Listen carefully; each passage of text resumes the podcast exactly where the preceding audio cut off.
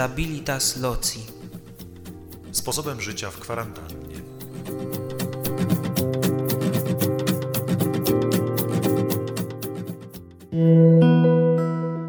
W połowie drogi z Rzymu do Neapolu, nad morzem, pięknie położonej miejscowości San Germano, przez około rok mieszkał Filip Neri, Florentczyk. Trafił tam do wuja, bogatego człowieka, kupca, z perspektywą odziedziczenia jego majątku. Ale dziś nie o tym chcemy Bardzo prawdopodobne, że jego pobyt w tym miejscu wiązał się z nawiedzeniem dwóch innych szczególnych miejsc. Sanktuarium pękniętej skały, może kiedyś czas pozwoli, by o tym opowiedzieć, i opactwa benedyktynów na Monte Cassino. Stabilitas może być echem przyjaźni świętego Filipa z opactwem benedyktynów na Monte Cassino i o tym Stabilitas w życiu Filipa dzisiaj chcemy porozmawiać. Nie mamy danych historycznych, które potwierdzałyby to z całą pewnością, ale wygląda na to, że Filip zetknął się z benedyktynami, ich sposobem życia, stałością miejsca właśnie tam. Wydaje się, że u świętego Filipa stabilitas jest owocem jednak czegoś głębszego. Może to jest słuchanie serca Boga, może jest to jakieś życiowe wyzwanie, by wytrwać w jednym miejscu z jedną wspólnotą, może jest to upodobnienie się do rodziny, może to codzienny wybór,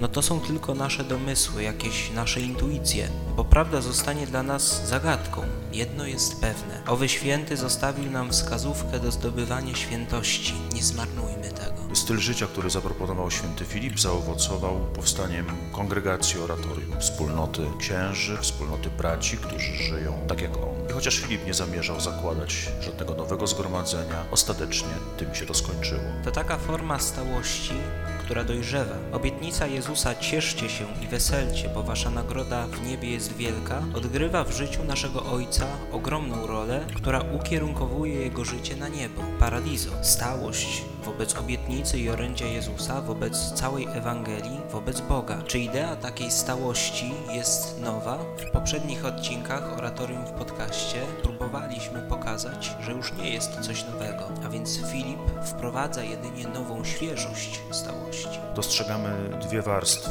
stabilitas w wydaniu świętego Filipa. Pierwsza, taka zewnętrzna, może bardziej oczywista, że wspólnota pozostaje w jednym miejscu. Druga dotyczy duchowości, serca, głębi.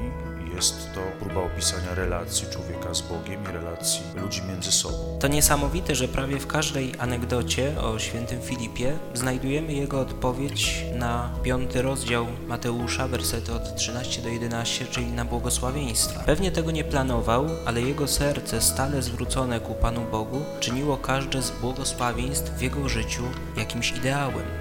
Właściwie patrząc po owocach jego życia i po tym, jak ono było fascynujące, jak bardzo zachwycało ludzi, którzy byli wokół niego, którzy zapragnęli żyć tak jak on, możemy trochę spekulować, co Filipa zachwyciło w stabilitas loci, w stabilitas cordis, w tych dwóch zewnętrznej i wewnętrznej formie całkowitego oddania Bogu i całkowitego oddania wspólnocie. Podpatrzenie u benedyktynów takiego stylu życia to także odwołanie do, do czasów jeszcze wcześniejszych, do czasów ojców, Kasjana, do jego pism. Możemy podejrzewać, że święty Filip znał przynajmniej fragmenty tych dzieł.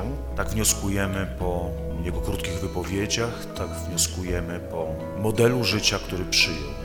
Niesamowita jest ta intuicja świętego ojca Filipa co do stabilitas. Zauważamy, że jego serce, w co wierzymy, powiększone miłością przez Ducha Świętego, jest wypełnione właśnie stałą obecnością Boga. To taki ideał ziemskiego stabilitas cordis, o którym już wspominaliśmy. Skrępowane serce to takie, które nie jest wolne, jest zmienne, niestabilne i przez to boi się spotkania z niezmiennością i stabilnością Boga, z Bożym stabilitas. Może stąd intuicja ojca Filipa, by swoje życie starać się uczynić mniej zmiennym. Odkrywamy w Filipie pragnienie powrotu do ewangelicznych źródeł, do życia pierwszej wspólnoty Kościoła, zafascynowanie wspólnotą uczniów, zafascynowanie wspólnotą opisywaną w dziejach apostolskich. Myślę, że to zaważyło o wyborze stabilitas, stałości jako drogi do tego, by osiągnąć zjednoczenie z Bogiem, a na co dzień dobre, owocne, pełne miłości życie z braćmi. To pragnienie możemy streścić modlitwą autora Psalmu 90.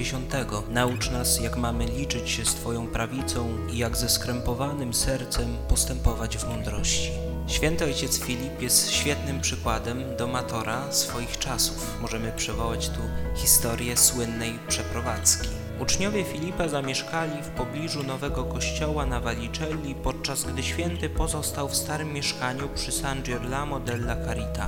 Uczniowie, nie potrafiąc żyć z dala od ich umiłowanego ojca, wpłynęli na pewnego kardynała, aby porozmawiał o tym z papieżem, który oczywiście rozkazał Filipowi, aby zamieszkał razem z nimi. Po rozdzieleniu między uczniów jego nielicznych sprzętów uformował się pochód z San Girolamo na Valicelle. Dziwna procesja wzbudziła u ludzi wesołość i najrozmaitsze komentarze. Widok idących gęsiego wielebnych ojców z kompletem naczyń kuchennych w rękach stanowił najbardziej komiczną scenę, jaką kiedykolwiek oglądano w Rzymie. Filip śmiejąc się pokazywał przechodniom wielką warzechę i butelkę, jak gdyby chciał powiedzieć Patrzcie jakimi jesteśmy łakomczuchami.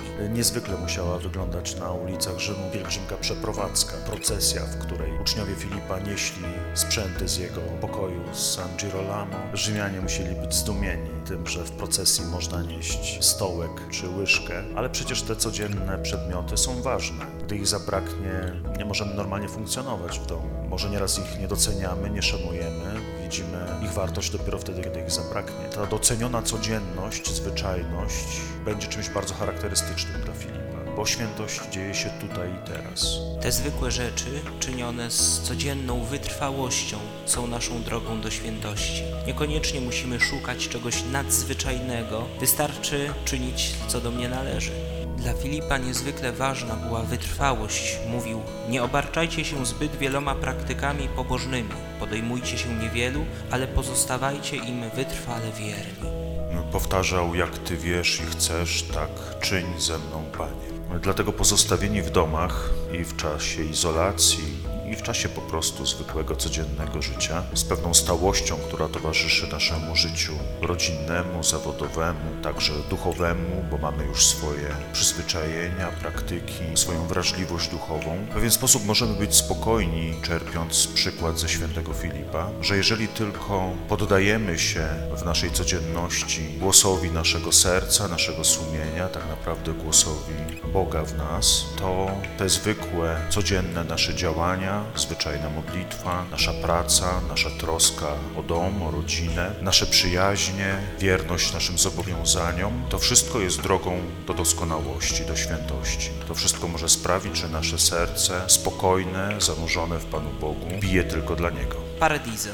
Paradiso.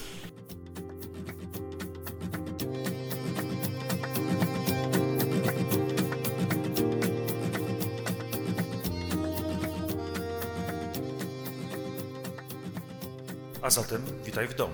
Do usłyszenia w czwartek o 16.16.